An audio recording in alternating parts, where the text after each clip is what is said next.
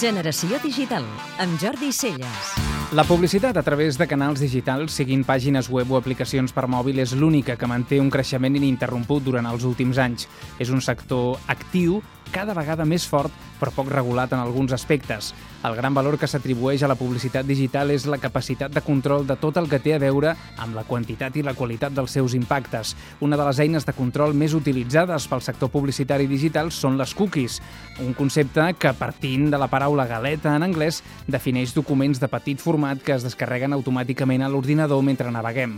Una cookie no és un virus, ni un troià, ni spam. Una cookie és un document que permet seguir el nostre rastre digital. La Unió Europea va regular de forma restrictiva l'ús d'aquestes eines de rastreig a través d'una directiva l'any 2002.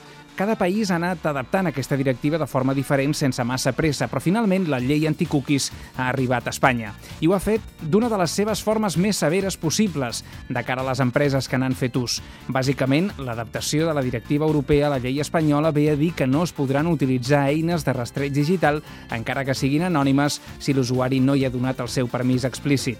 Això canvia de forma radical el panorama en què hem viscut fins ara. S'estima que només el 5% de la població fa servir l'opció que contenen tots els navegadors d'internet per prohibir l'entrada de cookies al sistema. Això vol dir que la major part de la població té els seus navegadors plens de petits documents que marquen, en diversos aspectes, els seus hàbits i costums digitals. Per una banda, és positiu poder controlar tota la informació personal que circula per la xarxa, però per l'altra, gran part de la mètrica en la qual es basa el sector publicitari digital queda desarticulada. El pitjor del cas és que tractant-se d'una normativa que regula diferent dins de cada país de la Unió Europea no només genera conflictes entre els propis països de la Unió, sinó que genera una situació d'indefensió absoluta davant de les webs i els canals digitals que són propietat d'empreses de fora d'Europa. Per si això no fos poc, la normativa no indica com s'hauria de fer el procés per tal que l'usuari doni el seu vistiplau per poder rebre aquestes cookies. Les fronteres són molt difícils de posar al món digital.